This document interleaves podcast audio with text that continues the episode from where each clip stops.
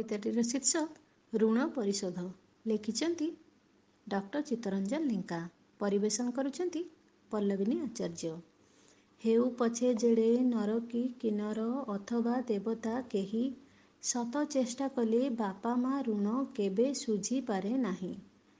ତଥାପି କହିବି ଯଦି କିଛି ଋଣ ଶୁଝିବାକୁ ଅଛି ମନ ନିଜର ପିଲାଙ୍କୁ ସୁସନ୍ତାନ ରୂପେ ଗଢ଼ ଦେଇ ମନ ପ୍ରାଣ।